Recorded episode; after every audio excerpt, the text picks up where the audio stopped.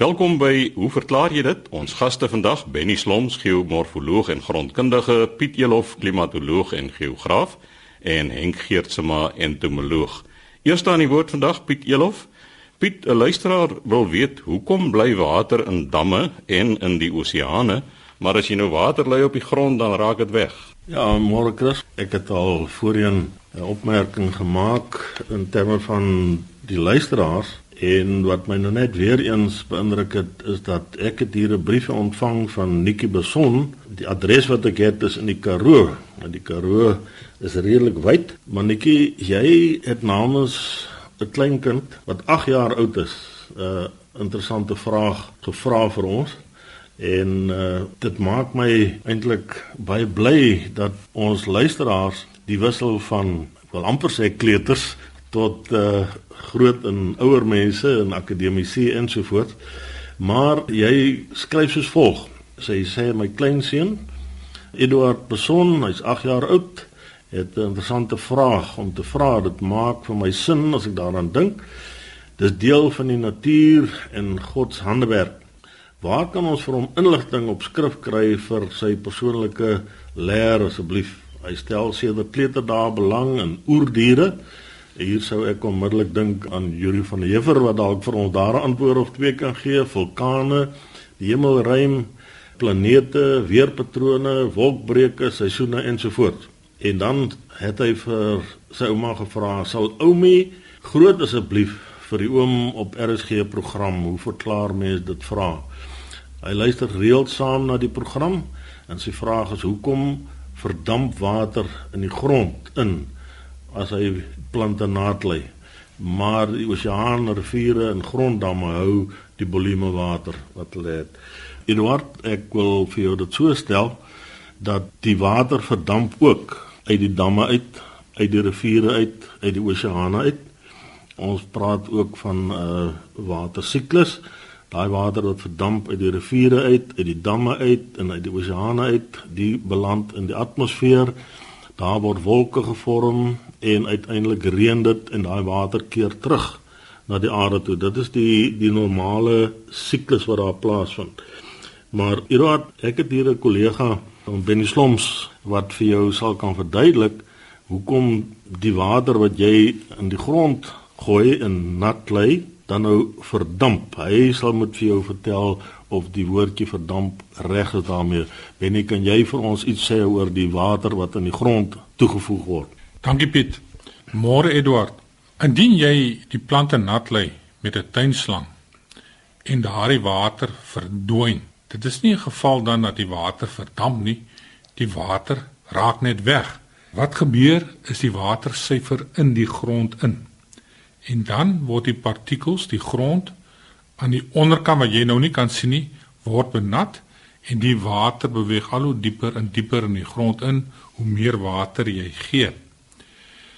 Nou jy sal ook agterkom dat indien jy 'n sandgrond nat maak versus 'n kleigrond dat hierdie insuifering op verskillende snelhede plaasvind. So die hoeveelheid water wat jy toedien voordat die water aan die oppervlak sal begin versamel, sal afhang van die grond se diepte, sal afhang van sy tekstuur. Ag, daar's maar 'n klomp faktore wat 'n rol speel. En toe ek hierdie brief gelees het, toe dink ek maar hierdie is 'n baie interessante onderwerp wat jy kan gebruik as 'n projek by jou skool. Ek moet vir die luisteraars sê ek het ook twee klein seuns van 8 en 9 jaar onderskeidelik, die klein verjoontjies en die vrae waarmee hierdie klein kinders voor 'n dag kom laat 'n mens dink. Hulle neem waar en hulle dink ook oor dinge in die natuur. Ek dink baie keer dat hierdie kleuters vra baie meer intelligente vrae as wat van my studente in die klas in staat was om te kon vra. En ek hoop tog nie partykeer sê jy vir hulle net sommer nie. Nee, dit is 'n aard sonde. En ek het my studente ook gesê laat ek ooit een van hulle vang vir hulle kinders met 'n sommer afmaak as daar 'n vraag gevra word. Die ouers het immers die antwoorde by my geleer in die klaskamer. Hulle moet dit net nie vergeet nie. Nou, ek het 'n baie interessante proef hierso vir jou Edward en dit is as volg. Laat jou oupa jou help om 'n monster van 'n sand en 'n monster van kleigrond bymekaar te maak. So sand, dis gewoonlik die materiaal wat bouers gebruik om pleisterwerk te doen. Maar jou oupa sal weet wat 'n sand en 'n klei is. Maak so plus minus 'n kilogram van elk bymekaar. En dan moet jy nou mooi praat met ouma. Jy vat daardie sand en klei apart en gooi dit in bakpanne. Ouma het sulke oulike platpanne waarmee sy koekies bak en dan stoot jy hierdie panne met die grond in die stoof in. Dan vra vir ouma om die stoof aan te los. So by 100 grade Celsius, 105 grade Celsius vir oornag.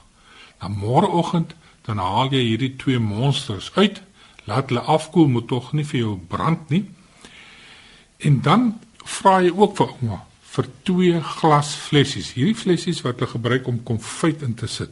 Mooi deursigtige glas van so ongeveer 500 ml.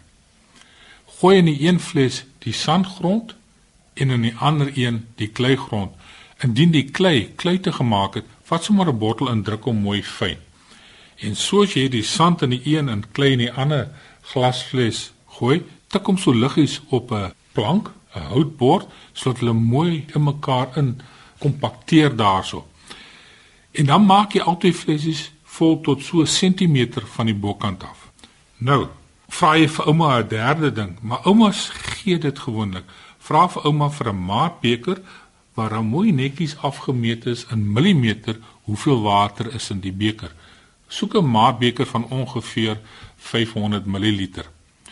En dan Edward, gooi jy eers, kom ons sê by die sandgrond, die water in bo, mooi stadig en dan kyk jy hoe die water afbeweeg in hierdie houer in hierdie glashouer en tot onder.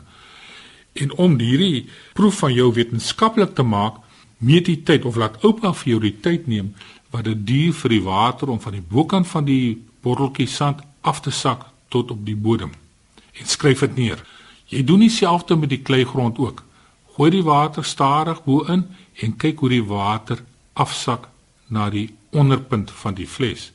Ek kan nou vir jou sê Edward, die tyd gaan nie dieselfde wees vir die twee nie. Maar noteer hierdie tyd wat dit neem vir water om af te beweeg tot onder. Ek het vergeet om te sê voordat jy die water ingooi en die twee flessies is gevul met sand en klei, weeg hulle sommer op ouma se skaal daar in die kombuis.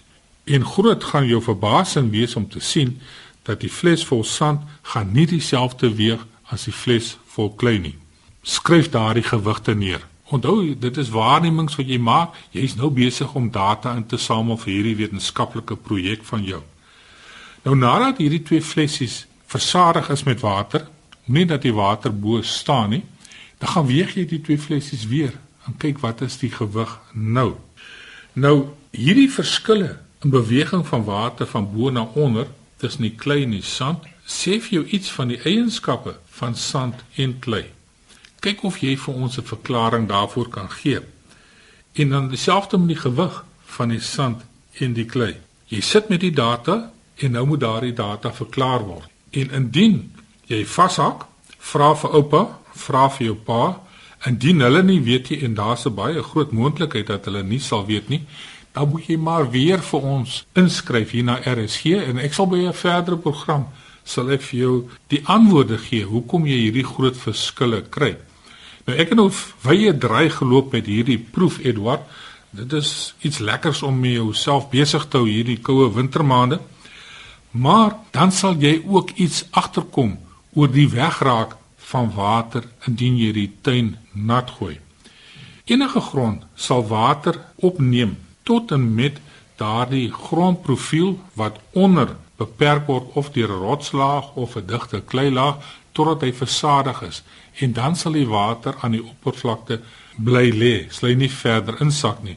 Ons sien dit hier in Kaapstad, hierso by die Kaapse vlakte sien ons dit baie duidelik hoe die vlei, die laagliggende gebiede hierdie tyd van die jaar so versadig is dat water aan die oppervlakte staan. Baie dankie vir jou brief en doen hierdie proef. Ek hoop ouma is geduldig. Sy sal in elk geval meer geduldig wees as jou ma en dan gee vir ons terugvoer oor die antwoorde wat jy gekry het. Benny baie dankie daarvoor. Ek wil hom net vir Edward ook sê die water wat jy toedien op die grond 'n deel daarvan verdamp ook uit die aard van die saak uit. Nou om Benny het nou hier 'n lang verduideliking gegee oor 'n eksperiment wat jy kan gaan uitvoer. Dink wat jy moet doen is mooi neerskryf wat ons aanbieder Chris Swanepoel sê oor waar jy kan op die internet ingaan en weerslag luister na die program om hierdie volle eksperiment uit te voer. Ja, Piet, is eintlik baie maklik. Dis maar net www.rsg.co.za, www.rsg.co.za en kyk onder potgooi en dan die program se naam, hoe verklaar jy dit? En uh ja, in die volgende week sal hy daar wees. Dit is hoe verklaar jy dit op RSG? Henk Geertsma, ons entomoloog, het 'n vraag ontvang oor miet in die meel. Ek het 'n brief hierso van Hente Joubert en ek lees hy bly in Johannesburg. Hy sê hy het baie las met miet in sy meel en ander gemaalde grane. Nou wil ek dadelik net verwys na miet en die onderskeid tussen myte. Myte is artropode, geleedpodiges wat op plante of op diere kan voorkom en is nie dieselfde as miet nie. As mense in die Afrikaanse volksnaam verwys na miet, is dit meer verwysing na 'n spinsel wat deur ruspers van sekere motte gemaak word. Dan sê hy dan die kenmerkende spinnerakkies verskyn altyd in die meel en dan gooi ons dit weg. Nou gewoonlik is dit wanneer die meel 'n bietjie oud geraak het en baie kere raak die meel ook vochtig en dan weet jy natuurlik dan raak die meel amper bitter. So mens gooi dit weg in elk geval. Maar die ding is jy weet interessant, mense kan baie kere meel in 'n winkel koop. En as jy die pakkie oopmaak, is daar miet in die meel ook. En ek sal nou daarby kom, daar's twee meelmotte wat veral van belang is. Die een se larwe kan eintlik deur aluminiumfolie byt om by die meel uit te kom. Dan natuurlik baie kere, ek kry baie kere te doen met gevalle van sjokolade wat neute bevat wat ook in folie verpak is wat dan ook deur hierdie tipe mooitjies aangeval word deurdat die larwes deur die aluminiumfolie kan byt. Nou, hy seker, dis nou Hente Hubert, dat die sondebok is die klein mooitjie. Nou, die meelmotte is eintlik 'n kompleks. Daar's 3 wat behoort tot die genus Anagastia of die ou naam is Ephestia. En dan kry mens die Indiese meelmot, die Plodia interpunctella pragtige name eintlik om te onthou. nou nou sê ook dan in die somer verskyn skielik 'n uh, eh, spetterjoel van die motte in sy spens. En dan wonder hy of hulle in sy spens uitgebroei het of van buite gekom het. Die kans is eintlik baie goed dat hulle van binne af in die spens uitgebroei het. Soms vind hy die motte in lugdigte houers omdat die meel wat in die lugdigte houers ingegooi is reeds besmet was. En dan sê hy seker hulle eiers staan gelê terwyl die deksel af was, wat ook natuurlik 'n moontlikheid is. As die deksel oop is vir 'n halfdag, kan jy maar seker wees as die meelmotte in die omtrek is dat die eiers daar gelê gaan word. Nou sê hy te veldgids van insekte verskyn die name Ephestia species en Plodia interpunctella. Dit moet seker een van hulle wees. Heeltemal reg. Ek hoor graag meer oor die motte se lewensiklus en hoe hulle eiers en larwes lyk. Hoe lank neem dit vir die eiers om uit te broei en die larwes in motte te verander? Nou, die bekendste meelmot is Ephestia quiniella, die mediterrane meelmot.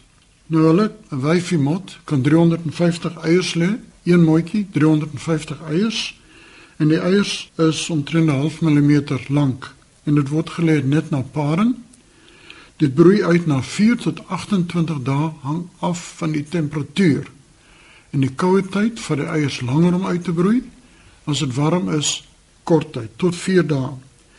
Dan die klein larwetjies beweeg vinnig. Die eier word gewoonlik in die meel gelê en die larwe het onmiddellik kos in die omtrek, maar begin onmiddellik die kos saam spin. Nou die larwetjie word tot 15 tot 19 mm lank. Dit gaan nou deur 3 tot 5 vervellings en dan verpop dan in die meel so tussen en onder die spinsel. Dit kan soms oorwinter, maar die papie broei gewoonlik uit na so 2 tot 3 weke.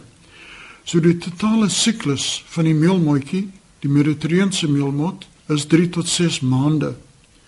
So as die motjie die meel kan besmet in die lente broei die motte uit in die herfs. Die motte self voed nie, maar is veral aktief in skemer.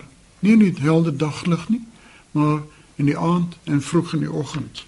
Met die Indiese meelmot lê 150 tot 300 eiers, so bietjie minder. Nou die naam Indiese meelmot is natuurlik heeltemal 'n verwarrende naam. Want die Indiese meelmot kom eintlik van Suid-Amerika en die Engelse Indian meelmot is later vertaal na Indië in Asië.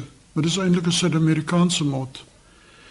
Nou hierheen, die eiers broei vinniger uit in die geval 2 tot 8 dae. Spin ook sy drade. Die lewensiklus neem ook tot 6 maande, maar die larwes is baie kleiner, is witterig tot pink met duidelike bruin koppe, terwyl die van die Mediterrane meelmot se larwetjies is lig geelerig, maar nie bruin koppe nie.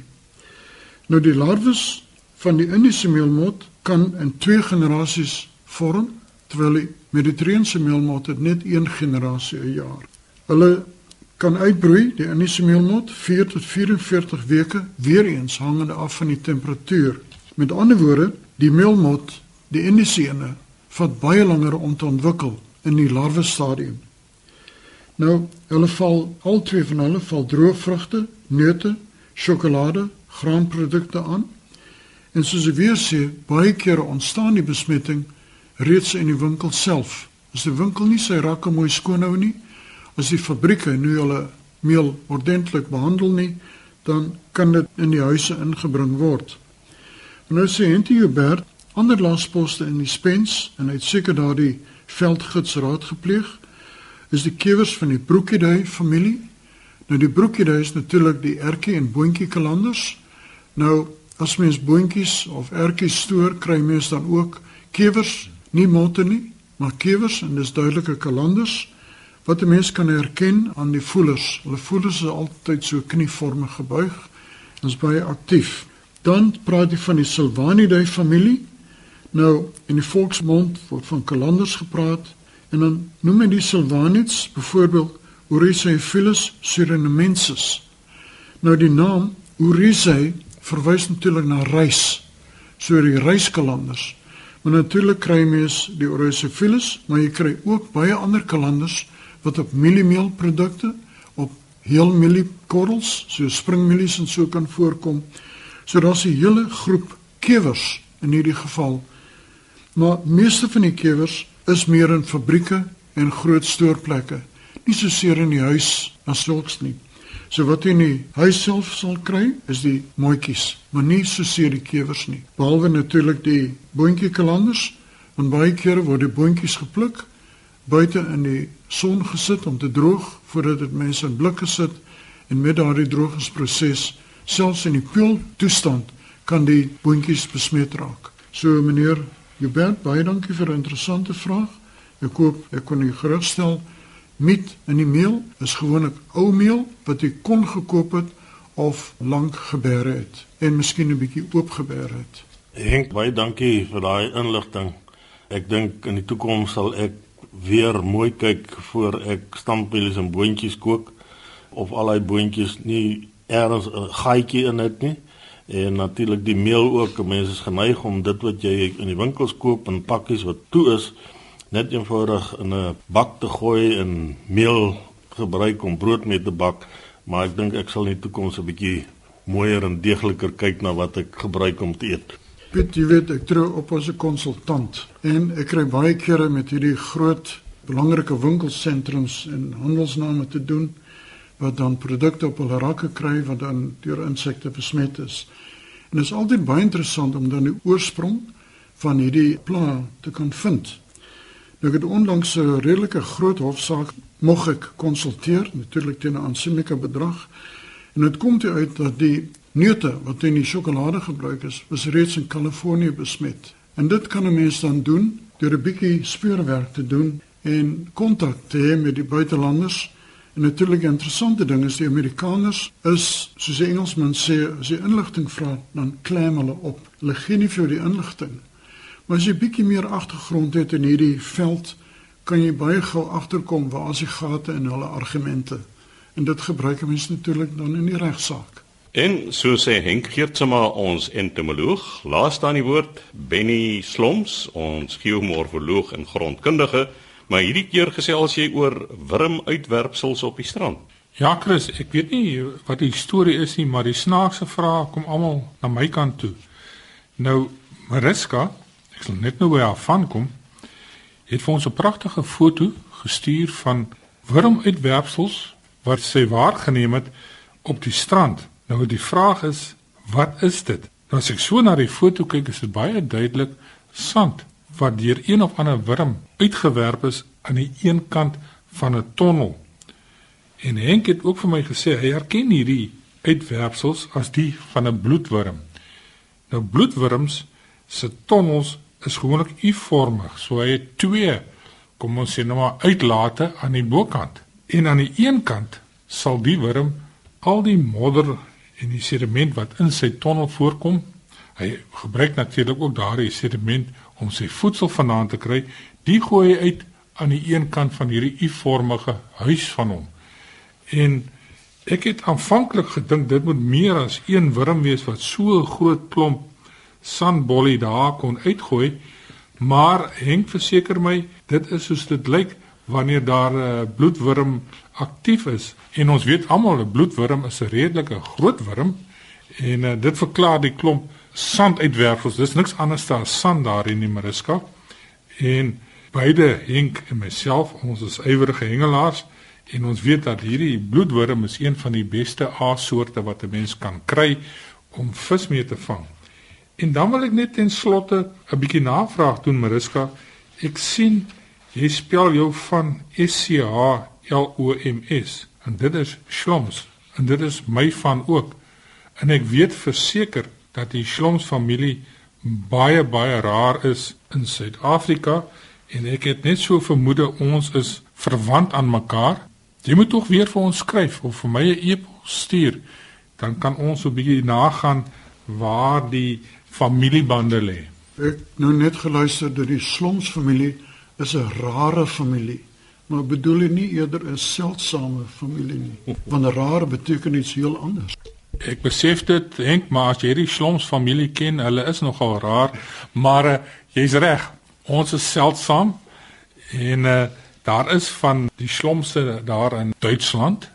Dis waar my familie vandaan gekom het en ook in Pole. Dit is in daardie geweste waar die stamme waar ons almal van afstam is van daardie geweste Duitsland en in Pole. Maar Mariska Jy sal my e-posadres hierso by Chris Swanepoel kan kry en dan gooi vir my asseblief 'n uh, e-pos en dan kan ons gesels. Maar ek het mos jou e-pos hierso, so ek sal sommer vir jou direk 'n e-pos stuur. Dankie. En so sê ons rare en seldsame geomorfoloog en grondkundige Benny Sloms.